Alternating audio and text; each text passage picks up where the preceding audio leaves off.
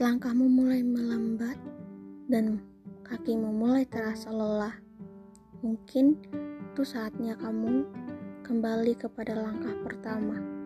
Langkah satu, kembali melihat jejak-jejak, meniti kembali titik-titik langkah awal itu di langkah satu.